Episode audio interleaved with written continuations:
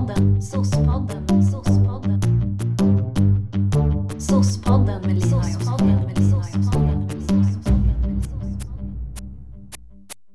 Ja, men nu är vi ju på Fryshuset i alla fall. Eh, tack. Och här sitter jag och Josefin med Johanna som jobbar här. Coolt. Mm. Men eh, alltså, vad, vad är Fryshuset och vad är United Sisters som du jobbar inom på? Med. Med. Fryshuset är en stiftelse eh, som grundades av Anders Karlberg 1984 i Stockholm. Nej okej, skulle jag inte vara så seriös? Jo men det är bra, det är bra att vara så eh, Ja, seriös. men, ja, men jag tänker att det skulle vara seriöst nu. Ja. Nej men så det är en stiftelse vilket innebär att vi finansieras. Vi är liksom inte kopplade till eh, men så här, kommun eller, eller så. Vi finansieras genom att vi söker fonder och olika typer av bidrag. Också skolpeng för att vi driver en skola uppe i Stockholm. Mm. Fryshuset finns nu i Stockholm, Göteborg, Malmö, Köpenhamn, Kalmar kanske. Och sen så håller det på att starta upp på lite fler ställen. Så det är ganska stort. Vi har typ 600 anställda idag. Mm, Det har funnits i Malmö i typ 10 år. Och Fryshuset som organisation är uppdelad egentligen i fyra områden. Så utbildning där, ja, vi driver gymnasieskola bland annat i Stockholm. Föredöme och framtidstro där United Sisters, min verksamhet, tillhör. Som jobbar med, eh, det är massa olika sociala projekt egentligen. Och sen så arbete och entreprenörskap där vi men, men, hjä- hjälper unga personer att komma ut i arbete bland annat och liksom peppa dem till att starta egna projekt och företag och så här. Ungdomskultur, där, som Fryshuset är ganska känt för att men så här, vi jobbar med, um, så här, peppar unga till att hitta och verkligen satsa på sina fritidsintressen. Eh, det låter lite tramsigt men så här, Fryshuset startades genom att Anders Karlberg hjälpte sina söner bland annat att starta en baskethall i ett gammalt fryslager i Stockholm. Och sen så utvecklades det till att det fanns musikstudiosar, man öppnade en skatepark och sen har det kommit liksom mer och mer så kultur, idrottsverksamheter i Fryshuset. Men är det inte de här också uh, Sharafs hjältar? Ja, de? precis. Sharafs hjältar och Ja. hjältinnor finns. Ja. Det, det tillhör samma det område som, Som du. som jag. Och Elektra som jobbar mot Just det. eh, våld och förtryck i hederns namn. Sharafs hjältar och hjältinnor och Elektra är liksom lite samman så här, flätat. Men finns de bara i Stockholm? Nej, de finns, jag är osäker på Göteborg. Vi har, vi har de här också, men just nu ligger just den verksamheten lite vilande. Okej. Eh, Det är ju så, ja men vi behöver jaga pengar hela tiden för att finansiera vårt arbete och ibland så blir det så att ja, men vi inte får in tillräckligt mycket pengar och då behöver man liksom dra ner på verksamheten eller pausa den un- under en stund och försöka få det liksom. För att vi behöver ju ja, betala hyra och betala folks löner och liksom köpa material och så här, så det kostar ju. Här, här i Malmö är vi ungefär sju verksamheter. De flesta är sådana sociala verksamheter inom föredöme och fram- framtidstro. Ja, det är en ganska stor del av arbetet att söka pengar för att få verksamheten Mm. att gå runt. Men jag tänkte, hur, hur vet man att ni finns? Alltså har ni någon uppsökande verksamhet eller? Mm. Nu, nu såg ju ni lite av våra lokaler när ni kom in och det är inte jättestort här. Eh, och vi jobbar mestadels ute på skolor, ja mycket ute på skolor och på andra arenor där ungdomar finns, som ju är vår målgrupp. Och sen så har vi en verksamhet som jobbar uppsökande på häkten och på fängelser med ungdomar som vi hoppas på att kunna utöka nu snart och även jobba med kvinnor, unga, unga kvinnor liksom Mm. på häkten och anstalter också. Ehm, Så vi är mycket ute och sen så har vi vissa liksom evenemang här ibland. Vi har också en verksamhet som driver som typ en ungdomsgård på helgerna. Helghänget kallas det som är öppet till typ två på natten. Mm. Så att unga inte behöver vara ute på gatan och härja eller hänga. Men United Sisters, vad, vad gör ni? Vilken målgrupp har ni och vad gör ni för arbete? Jo men vår målgrupp är tjejer eller personer som har erfarenheter av att leva som tjej eller identifiera sig som tjej mellan 12 och 20. Och vi eh, eh, jobbar med frågor som är kopplade till unga tjejers hälsa och rättigheter. Eh, vi har, men man kan säga en basverksamhet som utgörs av dels att vi driver tjejgrupper, just nu mestadels ute på skolor, där vi har två volontärer som håller i gruppen och så pågår den i antingen en termin men oftast ett år. Så ses man så en gång i veckan och så har vi ett metodmaterial som vi har arbetat fram under de 20 åren United har funnits.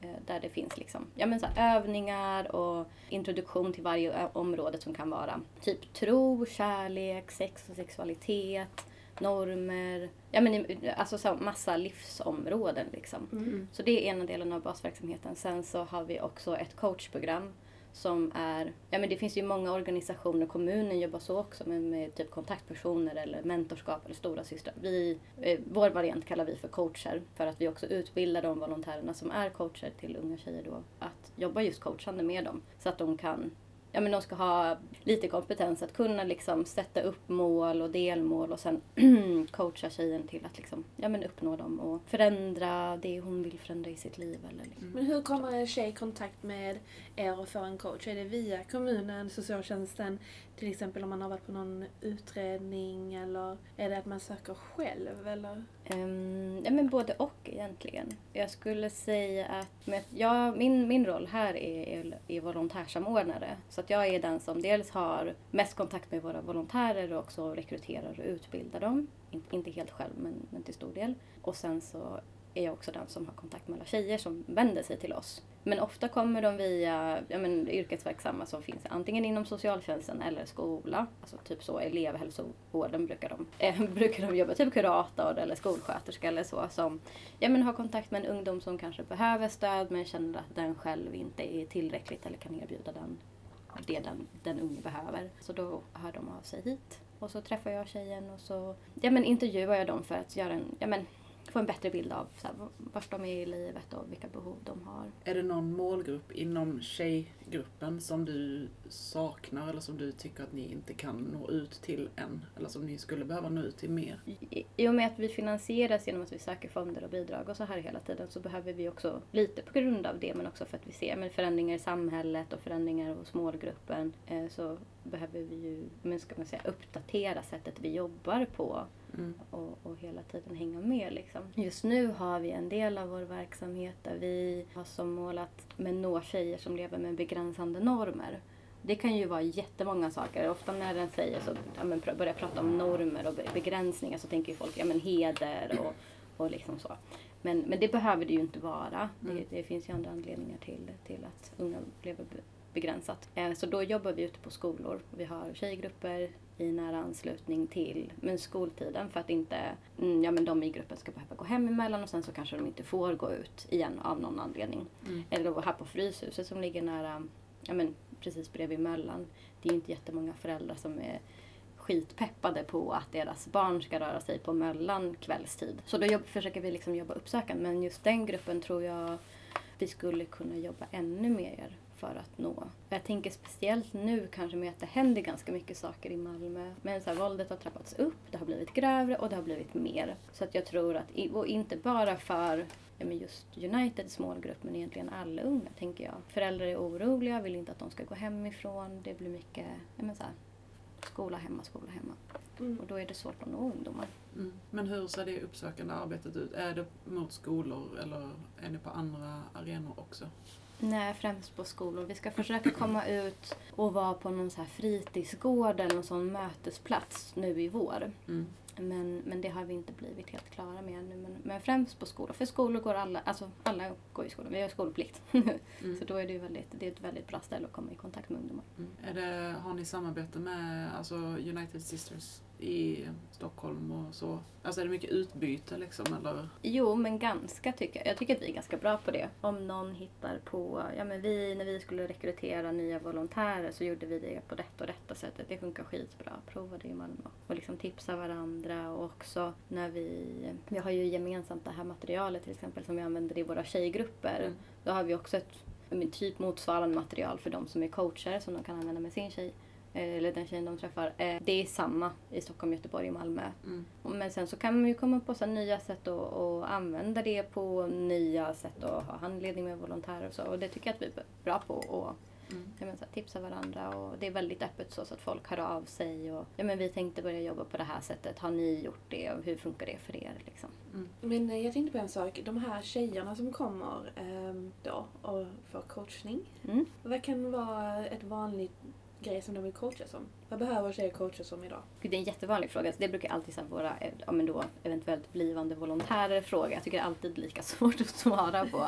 Men eh, dels tänker jag att jag ska börja med att säga att alla, alla tjejer blir heller liksom inte coachade i i den relation de har med sin coach. För att vi har, jätte, vi har jättebred målgrupp. Alltså inom vår målgrupp så är det, det finns liksom inget riktigt situation eller um, att de skulle ha någon diagnos eller något sånt där som är, utgör merparten av tjejerna utan det är jättevarierande. Vissa kommer till oss och har ganska så ordnade förhållanden, eller kommer från ordnade förhållanden. Det är så här, bra relationer i familjen, skolan funkar bra men så kanske de säger äh, men jag har kommit på att jag tycker det är lite jobbigt att prata inför grupper. Det skulle jag vilja öva på. Mm. Ehm, och då kan vi försöka matcha det med någon coach som kanske jobbar med mycket så här, prata inför grupper och ja Mm. men ni vet så. Eh, och så, då kan de ju verkligen så gå in och coacha och säga men nu ska jag ha övningar och liksom så jobba mot ett väldigt, väldigt tydligt mål. Men sen så har vi också tjejer som kommer till oss, kanske via socialtjänsten så att det redan är liksom världens pådrag eh, kring den här tjejen. Och det är BUP och det är SOS och det är skolkurator och samtal där och det kanske är mm, så här, somatiska vården också inkopplad på något vis. Och då kanske den tjejen behöver allra mest bara någon som kan hänga med henne och göra lite mysiga grejer, prata om sånt som är kul och sånt som funkar och kanske gå på bio och bara så här, bara vara där och inte ställa massa frågor och inte liksom så försöka behandla eller och sen allt däremellan. De som är coacher, är det också volontärer eller är det, söker ni typ så här coacher ute i arbetslivet? Alltså så här typ, ja men ehm, som att ni vill ha coacher med en viss ehm, erfarenhet eller? Nej, det, det gör vi inte.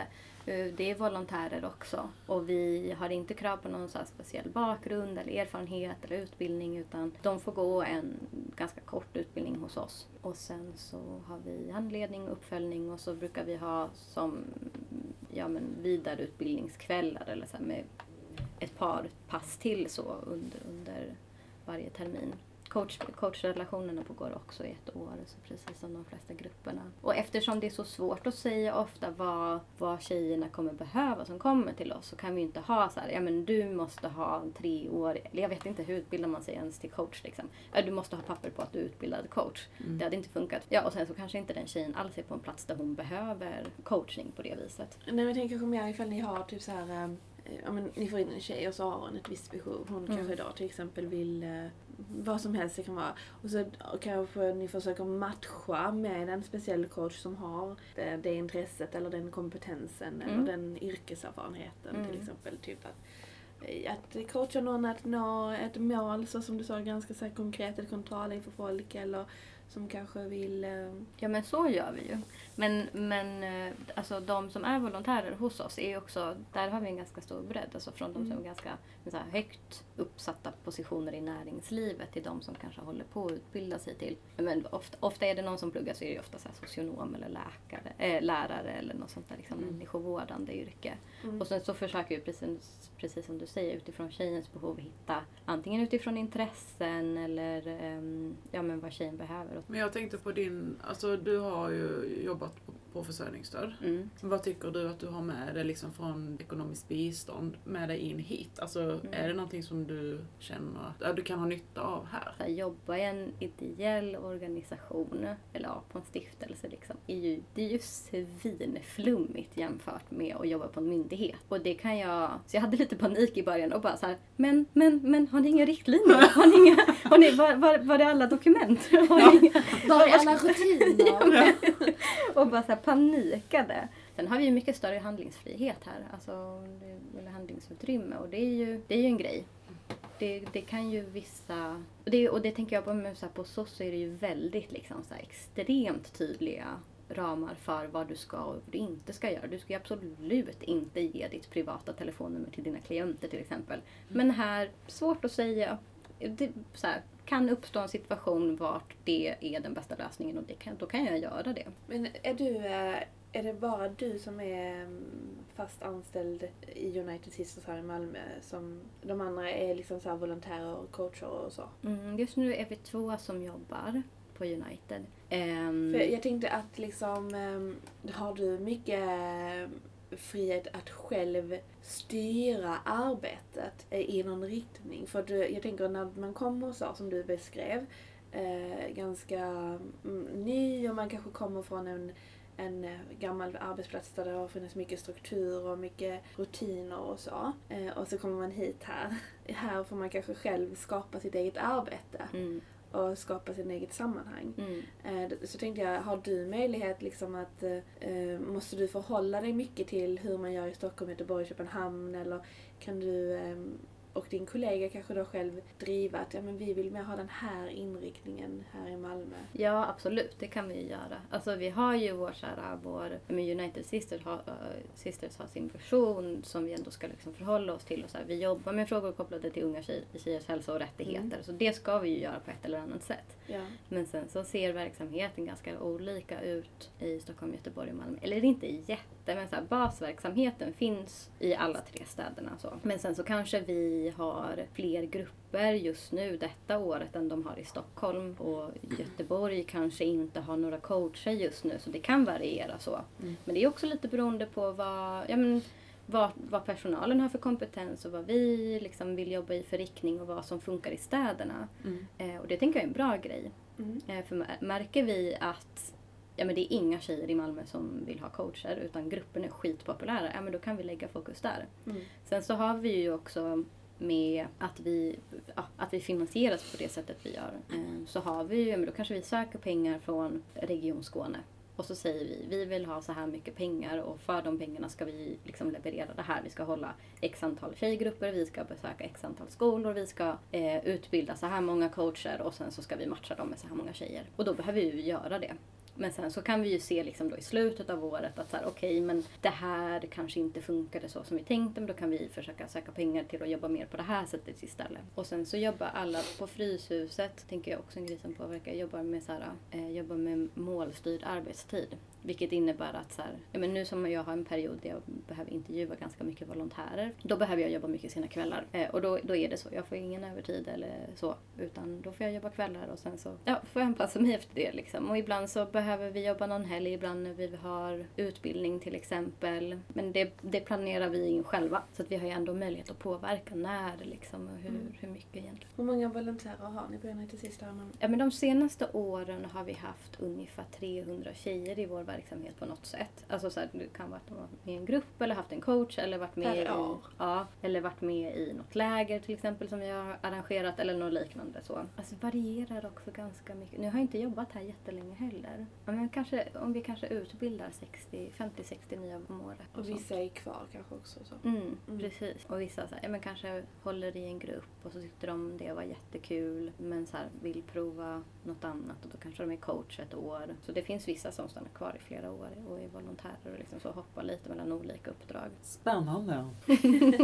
Men jag tänkte på en sak som du sa också i början att eh, liksom eh, hur eh, situationen i Malmö just nu. För det har varit många skjutningar och Mm. det är också många yngre personer som varit inblandade liksom eh, som är minderåriga, flera stycken. Och jag märker det jättemycket i mitt jobb. Eh, eh, dels att eh, det är ju kanske att vi går på förhör med minderåriga som har varit med eller sett eller varit inblandade.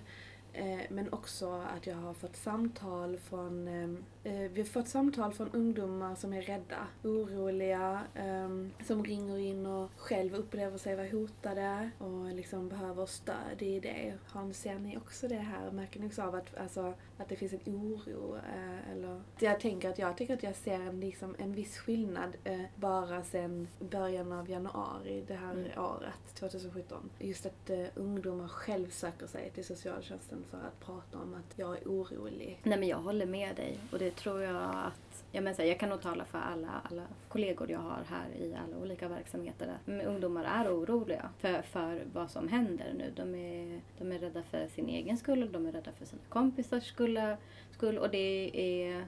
Jag tänker att det är viktigt att säga också att vi men så här, jobbar ju med olika grupper inom gruppen ungdomar. Mm. Eh, och det, det handlar inte om så här, de tuffa grabbarna som springer ute på, på, på stan på kvällarna och är lite små kriminella. Alltså det är alla. Det här påverkar alla så extremt mycket. Och de är rädda, precis som du säger. Och också att det blir liksom konsekvenser i det tänker jag för att eh, jag tänker att när eh, Ahmed sköts eh, så såg man ju liksom hur föräldrar var oroliga bara jag vet inte hur jag ska låta mitt barn liksom vara ute. Mm. Eh, Jag har eh, typ tonåringar och de, eh, vet, jag vet inte liksom, efter skolan vill jag att de ska komma hem direkt. Mm. Jag vill inte att de ska röra sig på stan. Mm. Och liksom hur begränsande det kan bli. Mm. Håller med dig och det är jättesorgligt att se. Det, är- det kan inte vara kul att vara ung idag. Leva med den oron. Nej, jag hoppas kommunen kommer att göra, kanske inte bara ligga på kommunen, men jag hoppas att Mm. kommunen ändå kan liksom, eh, visa framfötterna och göra skillnad. Tack Joanna, det var trevligt. Du hade en bra röst. Varsågod. Tack så mycket.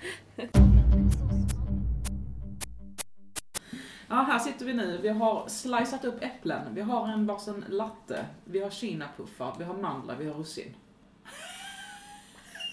Ingen fattar. Du håller på att smörja in dig Oj, och du känner dig lite svag idag, sa du Jag känner mig svag i rösten.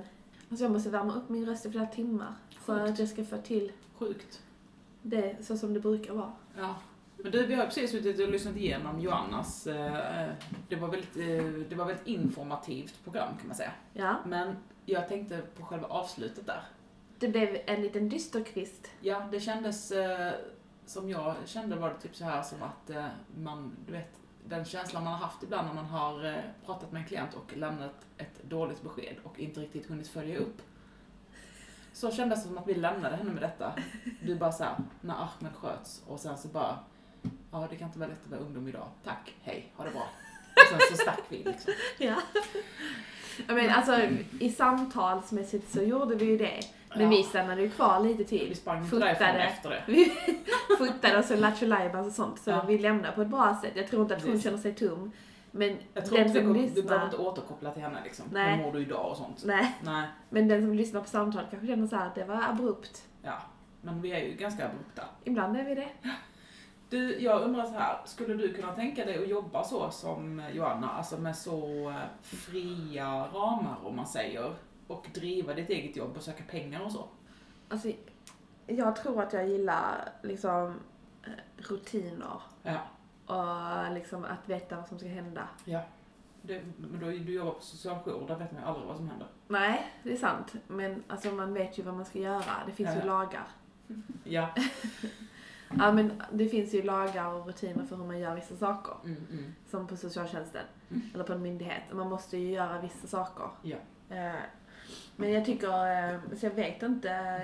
Jag tycker ju det verkar väldigt kul att eh, Alltså just kanske om man har en egen idé Ja. och så söker man pengar till det och, och så driver man det arbetet. Mm. Men samtidigt så verkar det lite som att United Sisters ändå, alltså det har ändå funnits i rätt många år. Så att kanske hon kanske inte bara kan göra vad som helst, tänker jag. Nej, Heller. precis. Du då? Skulle du kunna, Ja, men jag, alltså, jag tror ju att jag är en sån här fri person. ja? Som bara så här kan göra såna här saker. Jag tycker att det låter väldigt intressant. Nej men jag tror att det hade passat dig jättebra. Ja, alltså precis. Jag tror att också det, men jag tror att det hänger mycket på vilka man har runt omkring sig och att man har typ samma tankar om vad man vill göra och så. Annars tror jag att det kan vara svårt att driva någonting. Men det kändes lite som att hon är den som kanske, när det är United Sisters i Malmö, Ja. så är hon den som har typ anställning och eh, typ har liksom ansvar för att driva Mm. eh, verksamheten framåt. Ja. Eh, och sen har hon liksom massa volontärer som gör input och så. Ja. Men det känns ändå som att det är hon som bestämmer i slutändan. Mm. Och den rollen kanske är ganska okej att vara i. Precis. Alltså jag tror det hade passat väldigt bra att vara i en sån samordnande jag. funktion. Ja, det tror jag också. Men en grej med Joanna, det är också att hon är snygg. Alltså, hon ser ut som en som jobbar på United Sisters. Liksom. På, på, ett, alltså på ett positivt sätt liksom. Ja. Alltså, Alltså, folk tänker att jag placerar folk i fack och sånt. ja, Ja, gör det gör jag ju aldrig. ja, men eh, jag tror att eh, det kräver ju att man har en speciell drivkraft för att kunna jobba med något sånt. För jag menar, hade hon eh, varit en liten slacker, då hade det inte blivit så mycket av, så Mm. att säga. För det som jag tänkte verkar jobbigt, Mm. Det var att hon sa att hon fick jobba kvällar och helger och hon fick inte betalt för det. Mm. Han går min gräns. Där går min gräns. Ja. Ja men det det, här, jag tycker att det också, det visar ju på, alltså det är så himla brett, so- socionomyrket, verkligen. Det här är ju Mm. något helt annat än vad både du och jag gör liksom. Mm. Det är det. Eh, Så, så det, är, det, är haft, det är häftigt där. Mm. Kul. Ja, men då puffar vi vidare med våra Kina-puffar. Ja, och så önskar vi god eh, God dag, dag. eftermiddag, kväll, natt till våra lyssnare. Mm. Nu kom det ut mat ur din mun. ja. Ja men, eh, ha det bra och sen så hörs vi snart igen. Hej hej! Hej hej!